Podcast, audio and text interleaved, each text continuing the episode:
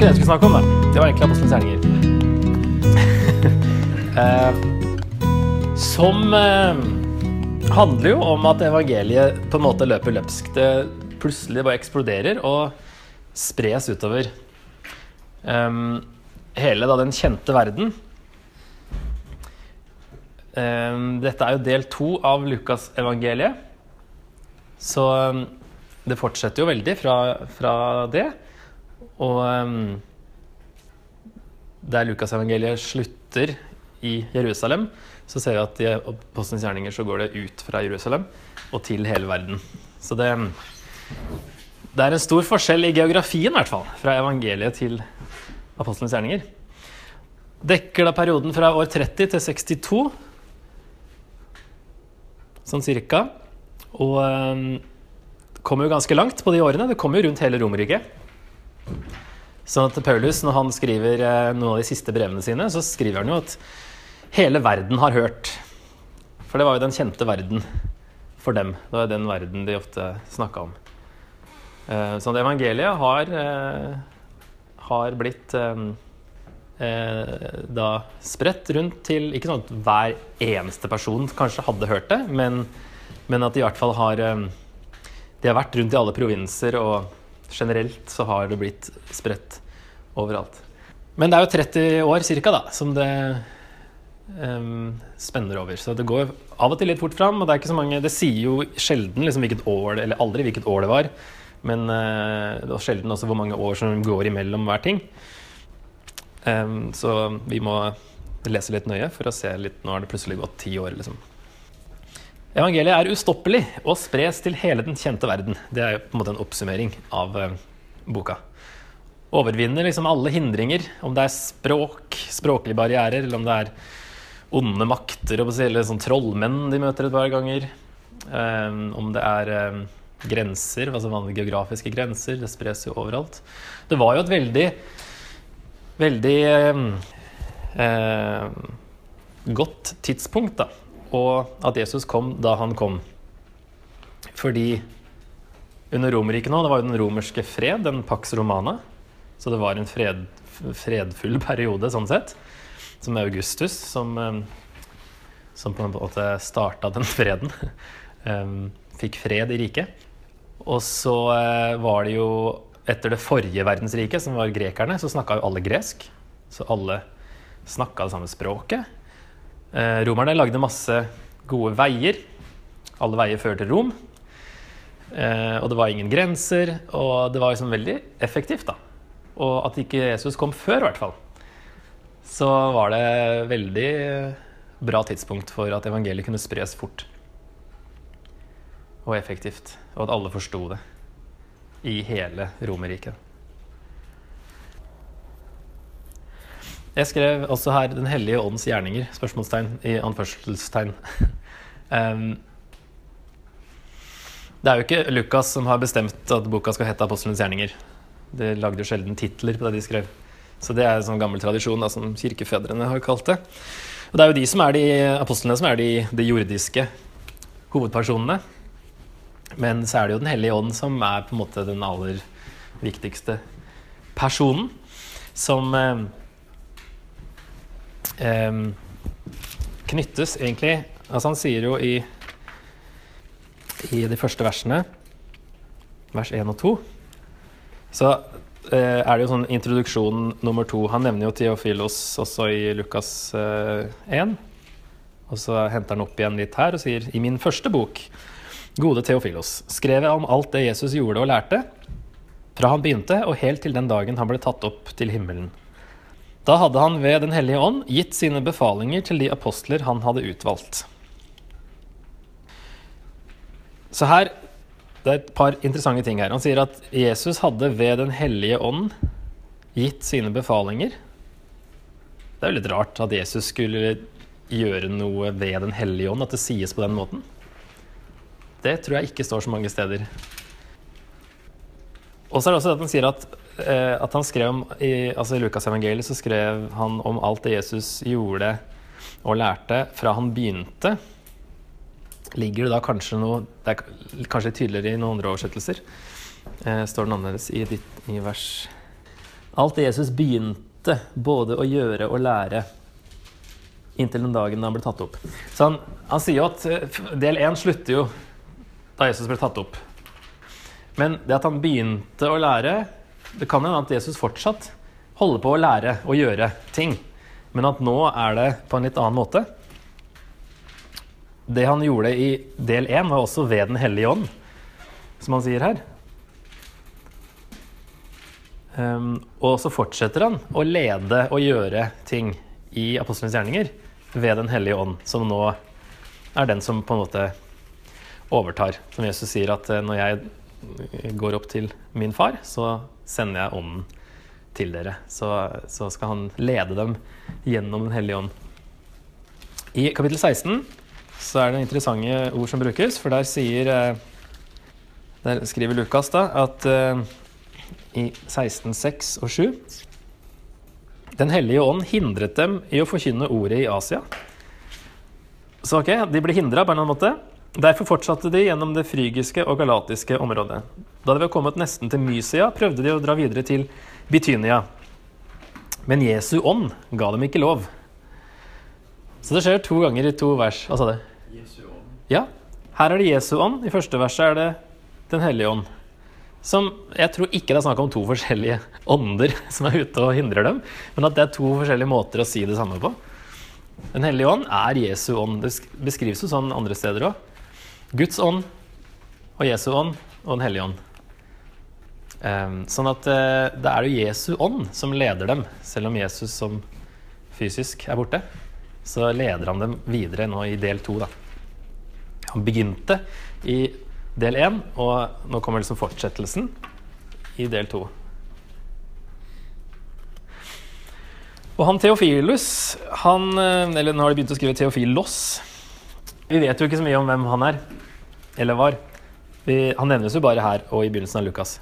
Det var jo vanlig å dedikere et verk til en person som enten hadde kanskje sponsa det, for det var jo dyrt å skrive. Så kanskje han Theofilius har eh, sponsa det, og derfor får han liksom dedikert det til han, men det er jo til alle andre òg, ikke sant? Men han sier jo det i, i, nei, Lukas 1, at eh, det er for å um, nå, i vers 3, nå har også jeg bestemt meg for å gå nøye gjennom alt fra begynnelsen av og skrive det ned for deg i sammenheng. Ærede Theofilos, så du kan vite at det er pålitelig, det du har fått opplæring i. Så han er jo en kristen som kanskje har etterspurt mer info, og samtidig betalt for det. Og så tenker eh, Lukas at det, det er en god eh, Det gjør jeg gjerne, og så kan andre også få lese det. Eh, men så dedikerer han det på en måte til han Theofilos. Det at han ærede Theofilos, det kan, det kan tyde på at han var en sånn høytstående person. Eh, man kan spekulere i om han, om han, hadde noe med Paulus sin rettssak å gjøre, som er jo det boka slutter med. Og Lukas understreker veldig tydelig utover mot slutten at eh, det er ikke noe farlig med evangeliet, det er ikke noe angrep på Romerriket, som det kanskje kunne virke som. Eh, og Derfor har de Paulus i fengsel i to år, først i Cesarea og så to år i, i, eh, i Roma. Um, sånn at det er mulig at han var involvert i rettssaken, og at det er en politisk grunn også til at Lukas skriver. Men vi vet ikke noe mer enn at han kalles ærede, og at han uh, nevnes to ganger her av Lukas. Men en sånn veldig generell struktur, som jeg nevnte i stad, så er det i Lukas 9, 51 eh, så står det at eh, Jesus eh, vendte nesa si, mot Jerusalem. Før det så er han i Galilea. Da tiden kom og Jesus skulle tas opp til himmelen, vendte han ansiktet mot Jerusalem. Det var dit han ville dra. Og så Fra det verset så går det mot Jerusalem da, i ganske mange kapitler i Lukasevangeliet. Eh, og så slutter det i Jerusalem, og så går det utover fra Jerusalem. Og i 1.8 i Apostelens terninger så står det jo at de skal eh, være mine vitner. Dere skal være mine vitner i Jerusalem eh, og hele Judea, i Samaria og helt til jordens ende. Han sier altså i vers 4.: Dere skal ikke forlate Jerusalem, men vente på det som far har lovet. Her er det jo en misjonsbefaling egentlig her òg, helt i starten. Selv om han hadde, Lukas hadde jo en i slutten av altså i Lukas 24. Og så har han på en måte en litt sånn uh, recap i uh, Apostelens gjerninger 1. Litt uh, overlapping med det som skjedde i slutten av forrige bind. Uh, litt sånn resymé. Et raskt resymé så langt. Eller hvordan slutta forrige episode. Og så er det på en måte her vi får, vi får enda en misjonsbefaling, egentlig, i første kapittelet her. Og når han sier dere skal være mine vitner, så har han jo allerede definert hva det vil si i Lukas 24. Hva var det de skulle være vitner om? Eh, Messias skal lide og stå opp fra de døde tredje dager. Altså, slik står det skrevet. Og i hans navn skal omvendelse og tilgivelse for syndene forkynnes for alle folkeslag. Dere skal begynne i Jerusalem. Dere er vitner om dette. Så det er jo det at de er vitner om at Jesus har stått opp igjen, først og fremst. Hans død og oppstandelse og at eh, oppgaven er å forkynne omvendelse og tilgivelse. Vi skal begynne i Jerusalem. Det, det er det Altså, vitneinnholdet er blitt sagt i forrige bind, så han sier ikke det om igjen her. Og så er det i vers 8, da. Det er jo et nøkkelvers i Apostelens gjerninger. Dere skal få kraft når Den hellige ånd kommer over dere og dere skal være mine vitner i Jerusalem, hele Judea, Samaria og hele til jordens ende. For det, den angir faktisk strukturen på boka, det verset her. Hvordan Lukas har eh, lagt opp Eller hvordan Gud har lagt opp historien. Så det er interessant at verset her gir oss eh, eh, en struktur. Først så kan vi se litt på innholdet. Altså kraften som skal hjelpe dem, det er jo at de skal få den kraften fra Den hellige ånd, som man eh, også nevnte i Lukas 24. Eh, og det innholdet av det de skal vitne om, ja, det har vi sett det beskrives i Lukas 24. Det var Jesu død oppstandelse, det var å forkynne omvendelse og tilgivelse. Og det som er litt interessant, er jo at ordet for vitne på gresk, det er jo ordet martyr. Som etter hvert, ikke på, ikke på Jesu tid i hvert fall, og sikkert ikke på Lukas sin tid heller, men senere så, så gikk det liksom over i å bety en martyr også. At et vitne, i hvert fall et Jesus-vitne, ble ofte en martyr. Så det henger uh, veldig sammen. Så det er litt, litt, interessant å se det i sånn retrospekt, se bakover. At uh, de fleste av apostlene ble jo drept som martyrer fordi de skulle være vitner. Hvor skulle de gå? Det er det som, det som nevnes. Jerusalem først, og så Judea, som er området rundt Jerusalem. Fylke. Skal vi se om vi får et kart. Eh. Du kan dele, dele Israel i tre sånne grove deler. Det er Galilea øverst, der Jesus er mest i starten. Og så endrer han jo opp i Jerusalem i alle evangeliene. At først er han i nord, Galilea, og Judea er i sør, der Jerusalem lå. Og så ligger Samaria imellom. Som var jo et sånn urent område, for der var det blandingsjøder. De som da ble igjen i landet da Nordriket gikk under, når asyrerne tok dem på 700-tallet før Kristus. Så var det jo asyrisk eh, politikk å blande De satte jo andre folk de hadde fanga eller tatt andre områder. Så tok de folk derfra og satte i Samaria.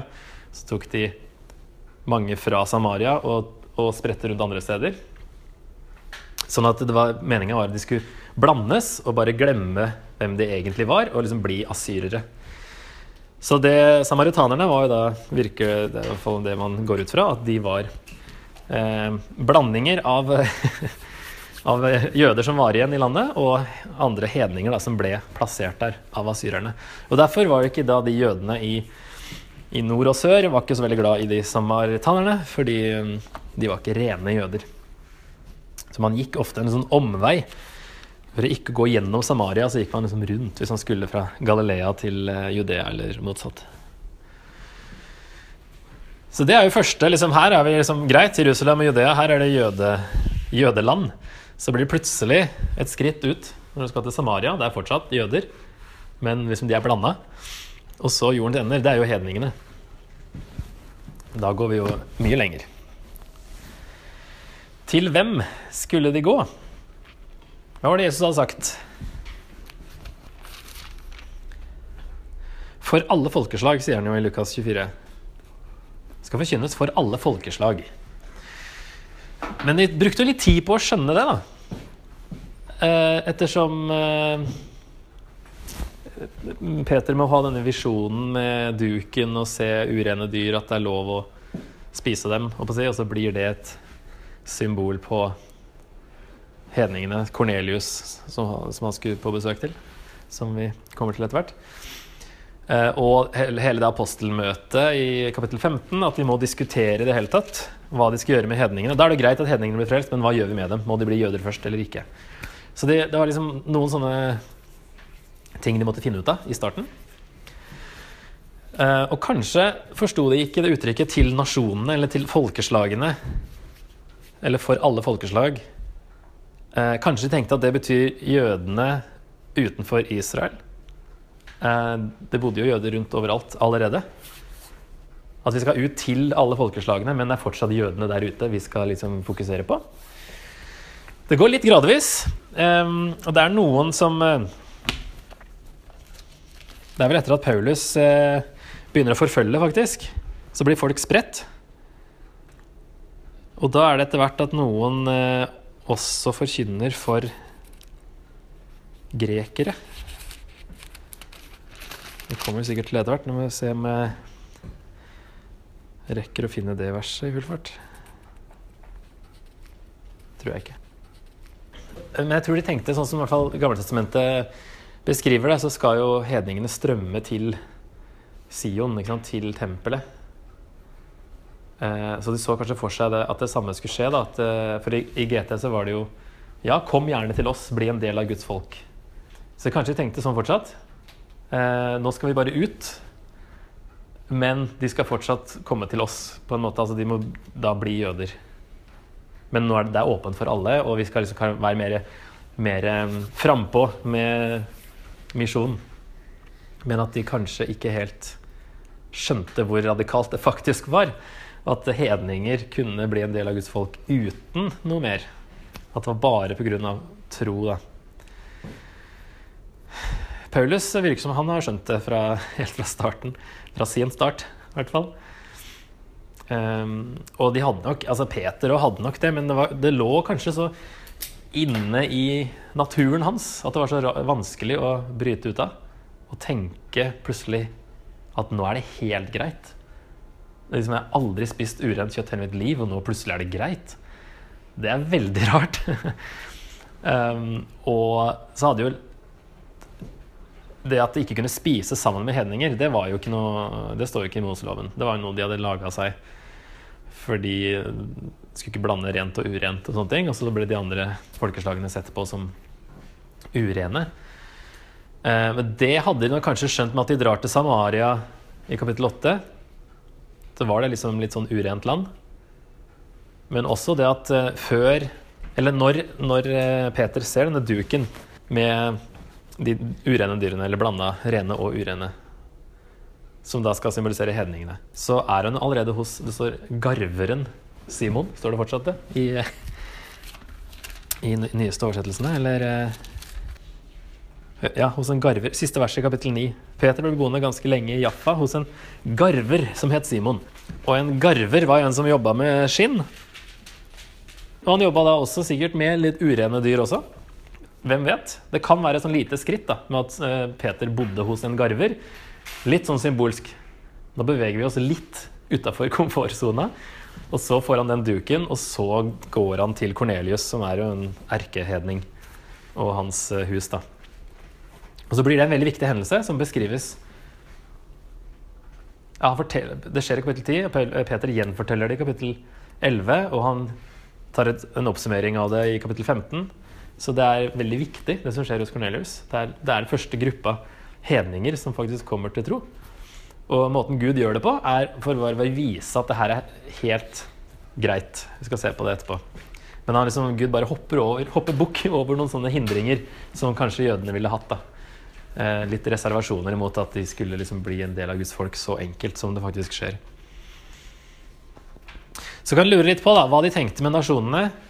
Men det tar liksom litt tid før de liksom er helt uh, i gang med det. Men uh, Vi skal se om vi ser det verset etter hvert, der det står at eh, Der det nevnes at noen forkynte evangeliet også for grekere. For det legges litt Det nevnes liksom litt sånn ekstra.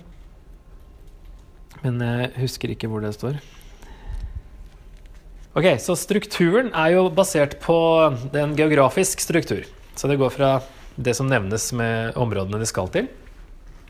Det blir seende sånn ut. Og der har jeg også prøvd å legge inn litt cirka år, så vi kan se Det er ganske mye tid brukes på de første Eller det går få år da, på de første sju-åtte kapitlene. Det er liksom bare helt i starten. Kanskje tre år. Og da er vi i Jerusalem hele veien. Det er jo jøder som er publikum. Og det er Peter som er frontfigur da, til Paulus overtar i kapittel 13. Selv om Paulus jo, kommer i kapittel 9 eller 8. Eh, helt, eh, men han har jo omvendelsen i kapittel 9.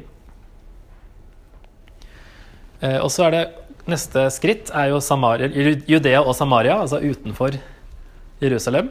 Det er kapittel 8-12. Der er det jøder i Judea, og så er det da disse halvjødene i Samaria.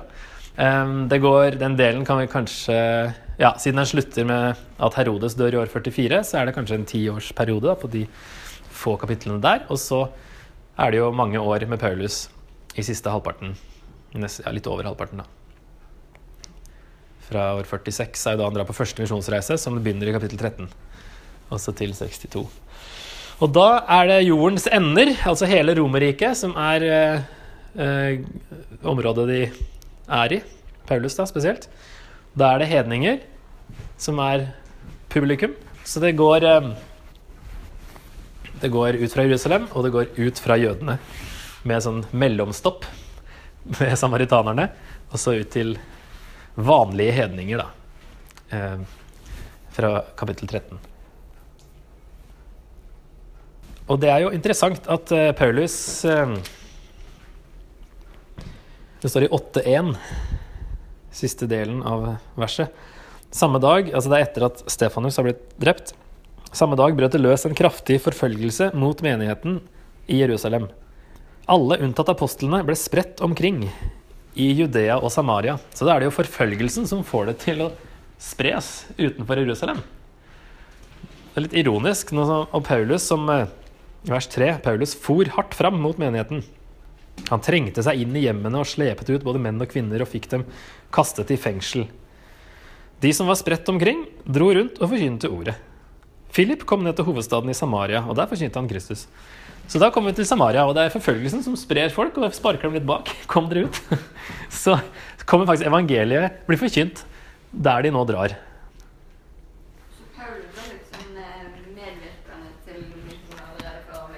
Han var det, skjønner du. Han, var, han gjorde mye for kristendommen før han ble omvendt sjøl òg. Og fikk spredt evangeliet rundt i Romerriket. Så det er sånn ironisk, og Gud sitter og humrer for seg sjøl.